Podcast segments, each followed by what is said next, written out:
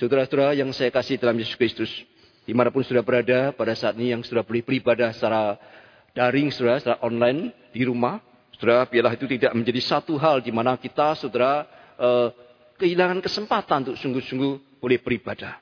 Mari saya mengajak untuk kita membuka Alkitab di dalam pengkhotbah pasal yang ketiga.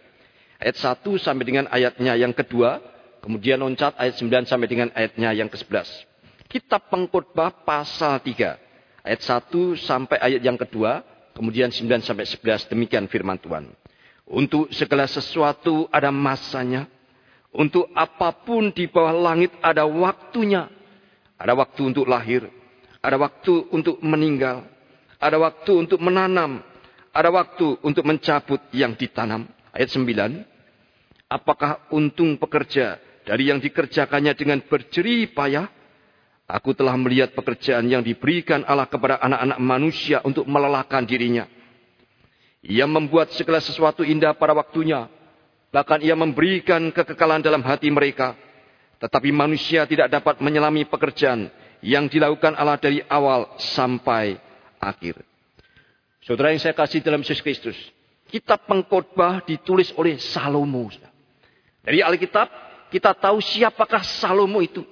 Salomo adalah seorang raja yang besar yang mempunyai pengetahuan dan hikmat yang luar biasa. Di dalam satu Raja-Raja pasal 4 menggambarkan pengetahuan dan hikmat Salomo yang saudara luar biasa.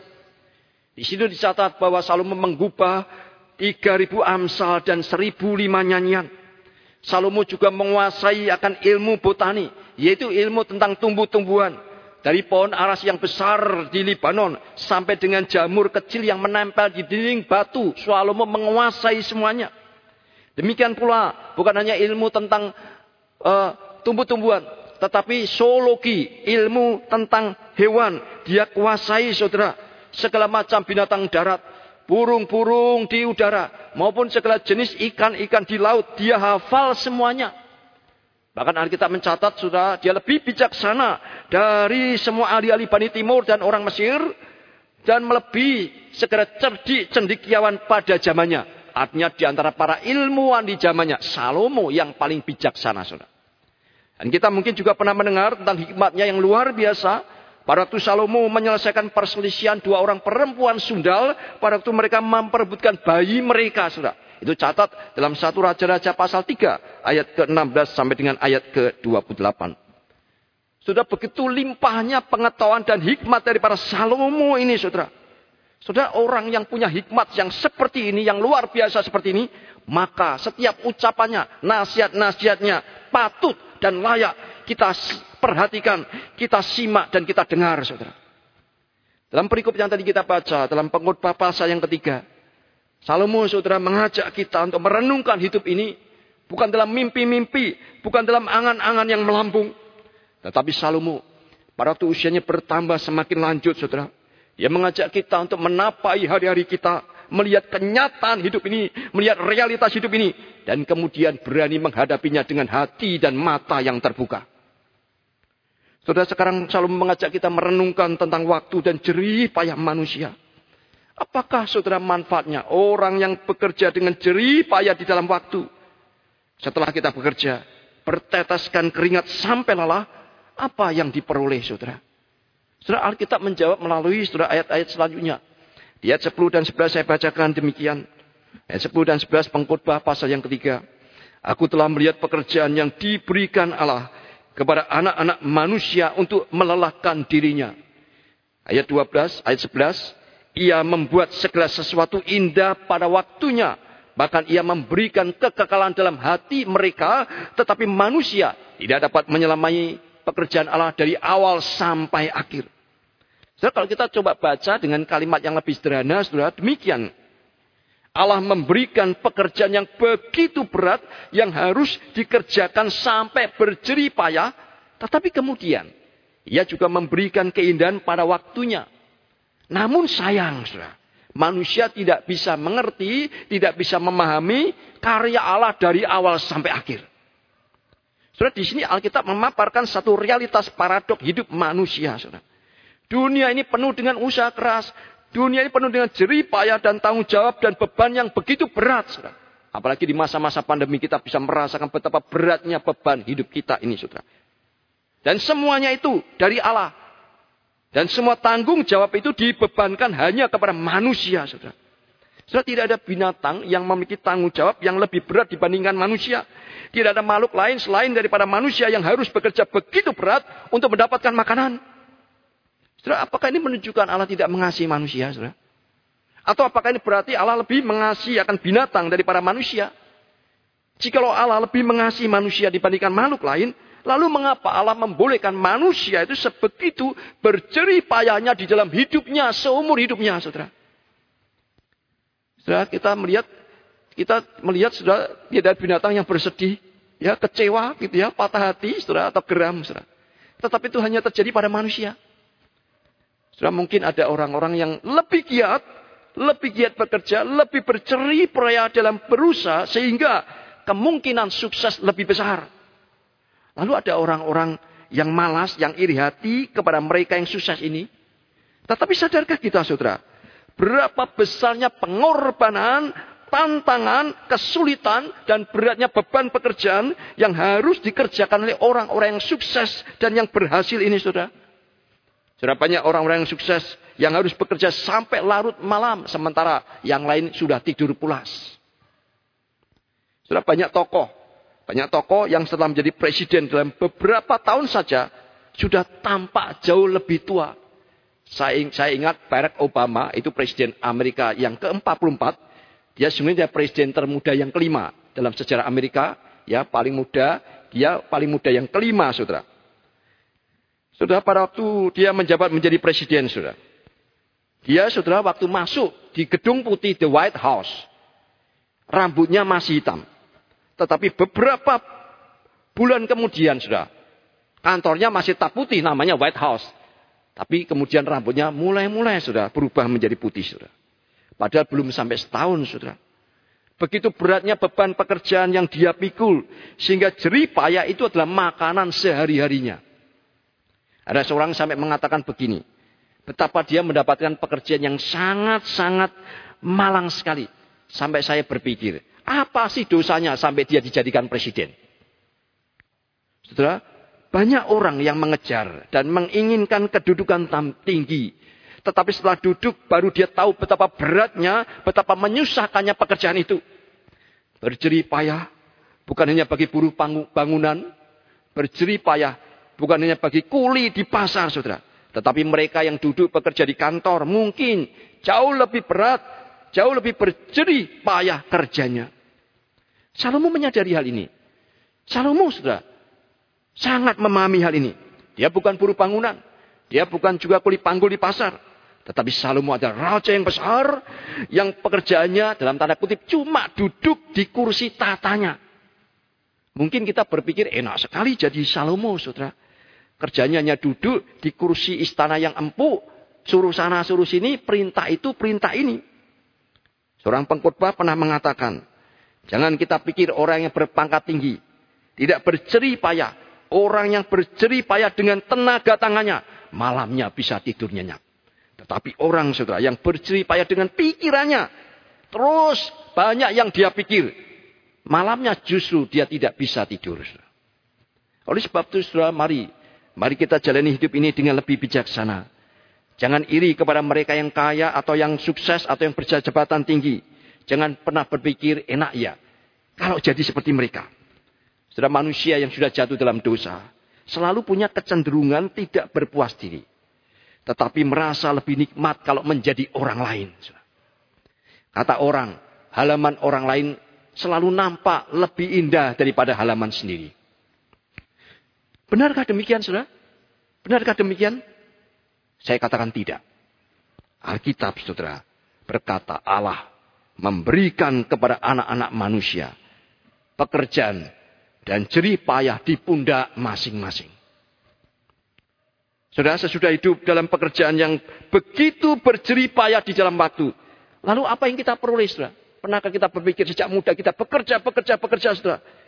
Sekarang ketika pandemi COVID-19 sudah hampir sudah satu setengah tahun ini melanda.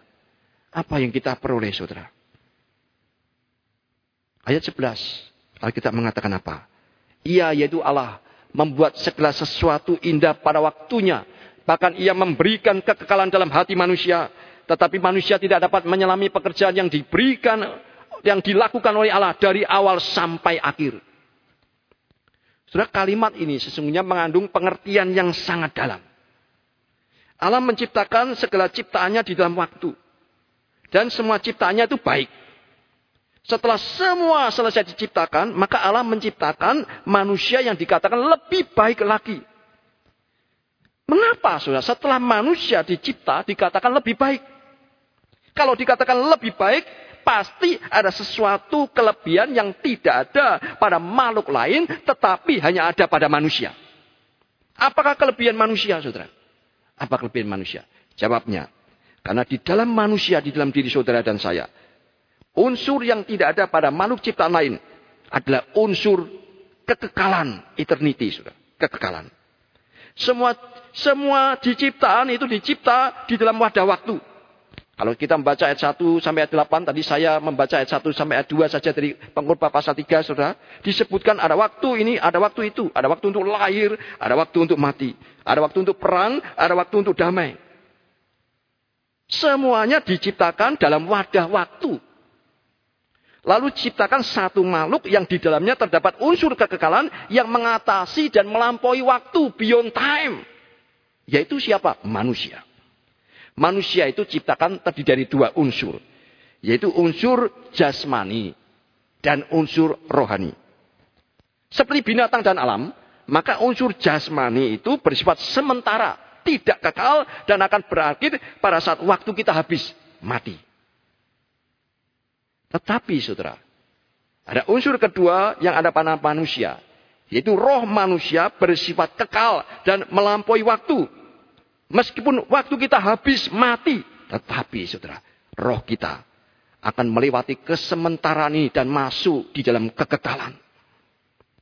Kita melihat bahwa manusia saudara berbeda dengan semua makhluk ciptaan yang lain. Semua makhluk ciptaan itu muncul pada satu titik tertentu dan kemudian berakhir pada waktu titik tertentu yaitu mati. Mereka ada waktu mulanya pada waktu lahir. Dan pada ada akhirnya pada waktu mereka mati. Ada jangka waktu hidup yang dibatasi oleh waktu. Tetapi Tuhan menciptakan manusia berbeda dengan semua makhluk ciptaan. Karena adanya unsur kekekalan di dalam hati manusia. Sehingga di antara semua makhluk ciptaan, hanya manusia saudara yang bisa mengingat kejadian pada masa lampau dan menuliskannya dalam buku sejarah. Allah menciptakan manusia ada waktu. Mulanya itu waktu lahir. Tetapi kematian manusia tidak menyebabkan dia berakhir. Itu hanya masuk dalam kekekalan yang harus dia pertanggungjawabkan di hadapan Tuhan. Segala apa yang dia pernah perbuat ketika dia hidup di atas muka bumi ini. Saudara, binatang makan tidak? Makan. Manusia makan? Makan. Binatang makan, manusia makan. Binatang tidur, manusia tidur. Tetapi binatang hanya hidup orientasinya di alam saja untuk waktu sekarang saja. Mereka memuaskan dirinya hanya terbatas di alam dan berakhir di alam. Manusia seharusnya tidak demikian, saudara. Manusia bukan binatang yang hanya memikirkan kepuasan hidup di alam saja, kesenangan dan kebahagiaan hidup sementara saja, saudara. Tidak, saudara. Tetapi manusia punya bagian yang melampaui alam, yaitu kekekalan dalam hati manusia. Tapi sayang banyak orang yang hanya hidupnya orientasi di alam saja. Sekarang saja. Cari selamat sekarang, cari kebahagiaan hanya waktu sekarang di alam saja, saudara. Manusia bukan binatang, sudah. Manusia punya bagian yang melampaui alam, yaitu kekekalan dalam hati manusia. Kekekalan dalam hatimu dan hatiku, sudah. Ini berarti hidup kita lebih tinggi daripada alam.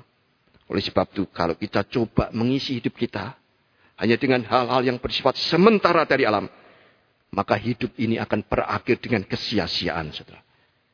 Kalau kita berpikir kita bisa bahagia dengan mengisi hidup kita dengan kekayaan dunia, hati kita akan kosong, jiwamu akan kosong. Kalau kita coba, saudara, mencari kebahagiaan hidup dengan mengejar harta benda, kekayaan, uang, kepandaian, pengetahuan, jabatan, bahkan kesehatan dengan konsumsi obat-obat dari alam, saudara. Hati kita tetap akan hampa. Jiwa kita akan tetap kosong, saudara. Yang rendah dari alam. Untuk mengisi yang tinggi kekekalan tidak mungkin bisa memenuhinya, saudara. Dan itu hanya Alkitab yang satu-satunya yang mengajarkan hati manusia ada unsur kekekalan yang lebih tinggi dari semua benda yang bersifat sementara itu. Maka yang sementara tidak mungkin bisa mengisi yang kekal. Itulah sebabnya. Jika kita berusaha mengisi hati kita. Hati kita yang kekal itu. Dengan segala kelimpahan hidup dunia ini. Maka hidup yang sukses bagaimanapun suksesnya. Di dalam dunia tetap saudara akan sia-sia. Kita akan jauh daripada bahagia. Bahkan semakin kita mengejar. Semakin menumpuk. Justru hati kita semakin kosong. Jiwa kita akan semakin hampa. Saya masih ingat tahun 1991. Tahun 1991. Tepatnya 24 November tahun 1991. Dunia itu dikejutkan oleh pengakuan. Pengakuan seorang bintang vokalis rock yang terkenal waktu itu. Dari grup Queen, saudara. Yang bernama Freddie Mercury. Ini vokalis utama daripada grup Queen pada zaman itu, saudara. Kalau saya masih ingat tahun 90-an, saudara. Dia mengaku menderita AIDS Sejak kapan? Sejak dua tahun sebelumnya. Belum sempat reda. Hari berikutnya. Kembali para penggemarnya dikejutkan. Kenapa? Karena hanya satu hari sudah dia mengaku kemarin. Maka hari itu. Maut menjemput dia, saudara. Saudara, semasa hidupnya Freddy Mercury bisa dikatakan telah menikmati segala kesuksesan dunia dari segala dari segi kekayaan pada waktu dia mati dia mewariskan saudara rumah kepada kedua orang tuanya seharga berapa? Seharga 70 juta US dollar. Kalau dihitung kurs sekarang kurang lebih 4.400 saudara, itu lebih daripada satu triliun rupiah. Itu cuma warisan rumah. Saudara. Dari segi popularitas berjudul Love Me Like There Is No Tomorrow. Cintailah atau sayangilah aku seolah-olah hari esok itu tidak ada. Itu adalah lagu yang sangat populer sekali saudara. Dan terus dikumandangkan di radio-radio di seluruh dunia. Pada waktu berita kematiannya itu tersebar. Dari segi menikmati hidup duniawi. Apanya yang kurang, saudara? Setiap kali usai pentas, maka dia akan melanjutkan hidupnya dengan pesta pora berhari-hari, berhari-hari. Dalam pesta pora itu, dia memakai ganja, mengisap morfin, kokain, saudara. Dia juga lanjutkan dengan cewek-cewek cantik yang dengan sukarela memberikan segalanya untuk sang bintang. Dan bukan itu saja, saudara. Yang melakukannya dengan sesama jenis, sesama pria. Saudara, jika diperhatikan dengan kacamata dunia. Dengan segala apa yang dimilikinya. Dengan segala apa yang dia nikmatinya. Apakah, saudara, dia merasa puas, merasa bahagia dengan hidupnya, saudara. Sebelum kematiannya, ada seorang wartawan yang menjumpai dia. Yang mewawancarai dia. Dan dipertanya, saudara. Freddy, engkau begitu terkenal Engkau begitu populer di seluruh dunia. Engkau begitu kaya, dipuja begitu banyak wanita di dunia. Banyak mengadakan pesta-pesta. Lagu-lagumu dipuja-puja di seluruh dunia. Kesuksesanmu sangat luar biasa.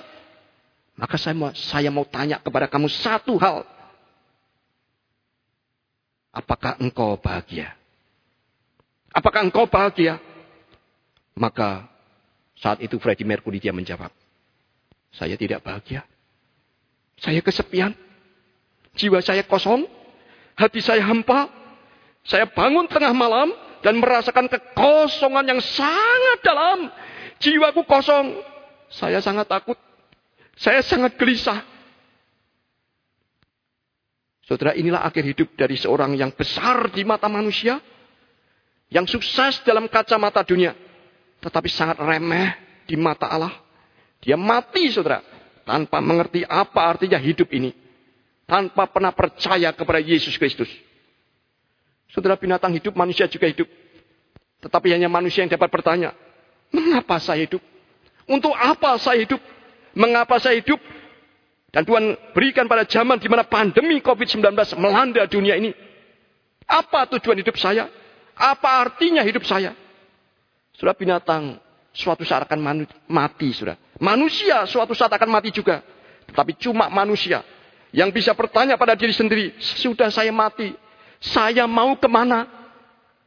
Sudah tidak ada binatang yang bertanya setelah mati akan ke mana. Hanya manusia seperti saudara dan saya yang dapat bertanya seperti ini. Saudara, baiklah sejenak pada hari ini.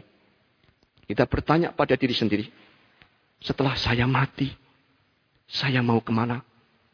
Hari-hari ini terlalu banyak orang yang saya kenal. Minggu lalu sudah masih sehat. Tidak sampai satu minggu. Dia sudah pergi lewat sudah. Karena COVID-19 yang dia tidak tahu kenapa dia bisa terkena. Sudah. Saudara bangsa-bangsa di empat penjuru dunia ini. Mereka mengakui sebetulnya kematian manusia bukan akhir daripada kehidupan manusia itu. Mereka mengakui ada kelanjutan kehidupan setelah kematian di empat penjuru dunia. Di Asia, saudara, kemudian yang paling kuno itu Tiongkok. Orang-orang Tionghoa kita tahu membakar rumah-rumahan kertas, membakar uang kertas untuk mereka yang mati sebagai bekal dalam kehidupan setelah kematian. Kan? Jadi mereka percaya itu. Itu di Asia. Di Amerika ada tidak percaya? Ada di Amerika. Orang-orang Indian. Di dekat mayat orang Indian ditaruh anak panah dan bejana tanah liat. Kita tahu anak panah dan bejana tanah liat itu senjatanya untuk berburu. Jadi mereka berpikir orang yang mati masih akan meneruskan kehidupannya dengan berburu supaya mereka bisa tetap hidup. Di Eropa, Yunani adalah kebudayaan yang begitu kuno di dekat mata orang, di dekat mayat orang Yunani ditaruh mata uang perak. Untuk apa? Untuk membayar ongkos perjalanan ke Ceron. Itu akhirat mereka. Afrika, Mesir adalah negara yang kuno, sudah di benua Afrika kemudian tinggi sejak lama. Di dekat mayat orang Mesir ditaruh apa? Peta perjalanan menuju dunia orang mati dan gulungan papirus yang berisi doa-doa. Saudara semua ini menunjukkan manusia sudah sejak dahulu kala percaya, yakin adanya kehidupan sesudah kematian, bahwa kehidupan di atas muka bumi bukan yang terakhir bagi manusia. Maka mereka mencari-cari rahasia tentang hidup kekal. Namun semuanya itu masih privat samar-samar. Masih bersifat saudara sesuatu yang rekaan saja. Hanya Alkitab saudara yang memberikan jawaban yang paling jelas, yang paling pasti tentang adanya kehidupan sesudah kematian, yaitu tentang kekekalan. Tuhan Yesus yang berasal daripada kekekalan, dia datang ke dalam dunia, dia berbicara tentang hidup dan para waktu Yesus berbicara tentang hidup, hidup yang dimaksudnya bukanlah hidup yang asal hidup atau sekedar hidup atau sekedar eksis atau hanya sekedar survive saja, Saudara. Bukan, Saudara. Tetapi hidup yang dimaksudkan Yesus adalah hidup yang tidak berakhir oleh kematian dan tidak diakhiri oleh kematian. Suatu hidup yang bermakna, suatu hidup yang berkualitas, suatu hidup yang bernilai kekal. Oleh sebab itu, hidup yang dimaksudkan Yesus bukan sekedar hidup yang di dalam kita, saudara. Tetapi hidup yang diberikan kepada kita. Hidup yang berasal dari luar diri kita, dari Tuhan. Hidup yang diberikan melalui kematian Yesus Kristus, saudara yang memberikan hidupnya di atas kayu salib bagi yang percaya. Saudara Alkitab mengatakan hidup itu bukan apa. Hidupmu bukan apa yang kau jalani. Tetapi Alkitab mengatakan hidup itu siapa. Yesus berkata dalam Yohanes 14 ayat 6. Akulah jalan dan kebenaran dan hidup. Dan dia sekali lagi menegaskan pada waktu sebelum dia membangkitkan Lazarus. Di dalam Yohanes 11 ayat 25 Yesus berkata, Akulah kebangkitan dan hidup. Barang siapa percaya kepadaku, dia tidak akan dia akan tetap hidup dan yang hidup tidak akan mati selama-lamanya. Percayakah engkau akan hal ini? Oleh sebab itu ketika Tuhan Yesus memberikan kehidupan sesungguhnya, yang dia berikan apa saja? Yang dia berikan dirinya sendiri. Dan sebaliknya, ketika Tuhan Yesus memberikan dirinya, dia memberikan hidup itu kepada yang percaya dan menerimanya.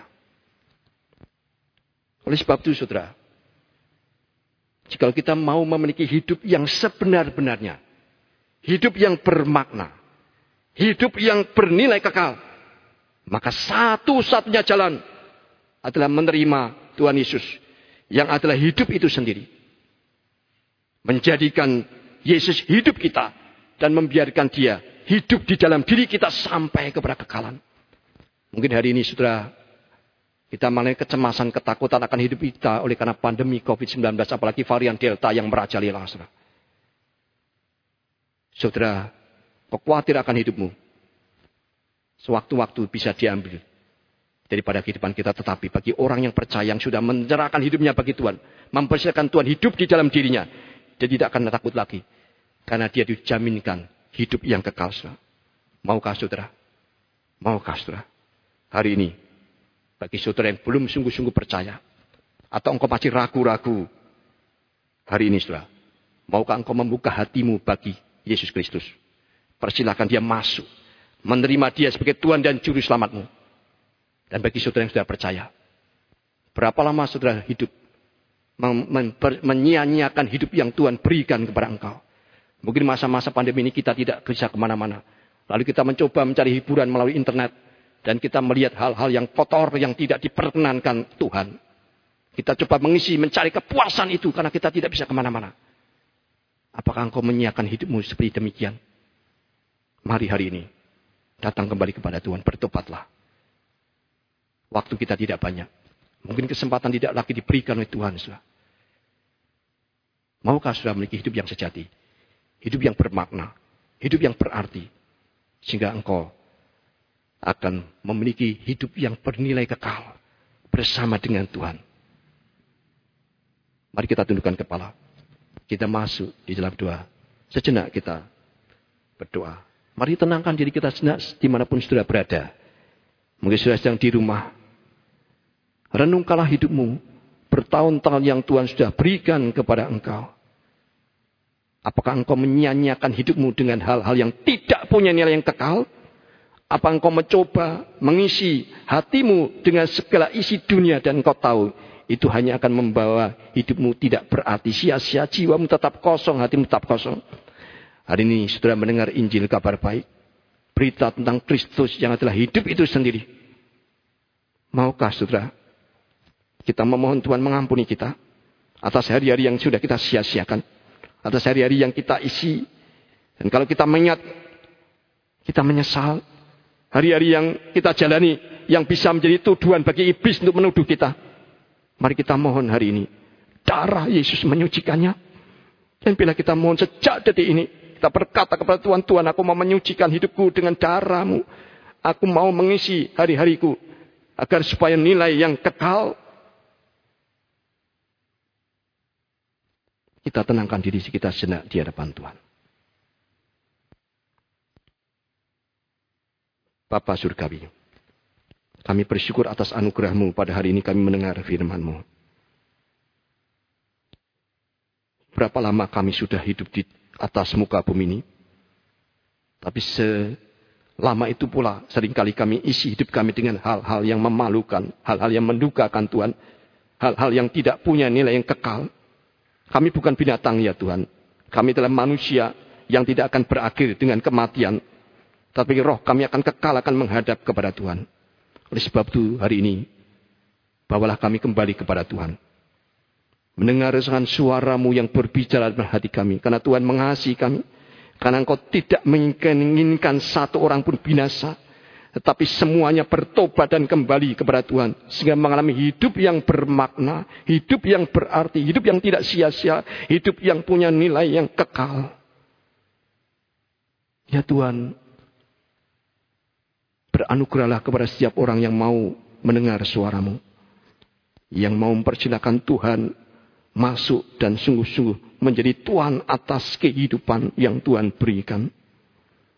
Oh Tuhan berkatilah akan jemaatmu yang mungkin sedang mereka diterpa sakit penyakit. Berbagai penyakit termasuk penyakit COVID-19. Jangan tinggalkan. Pegang dia, ya Tuhan, dengan cinta kasihmu. Jauhkan segala kegelisahan dan kegentaran. Karena tahu bahwa Tuhan engkau yang hidup. Engkau yang menjamin hidup yang kekal bagi orang yang percaya kepada engkau. Terima kasih Bapak. Kami serahkan apa yang sudah hambamu beritakan ini Hamba percaya tidak akan kembali kepada Tuhan dengan sia-sia. Tapi akan berhasil melaksanakan apa yang menjadi kehendak Tuhan. Berkat yang besar bagi orang-orang yang percaya. Terima kasih Bapak. Dengar doa kami. Demi nama Yesus Kristus. Kami berdoa. Amin.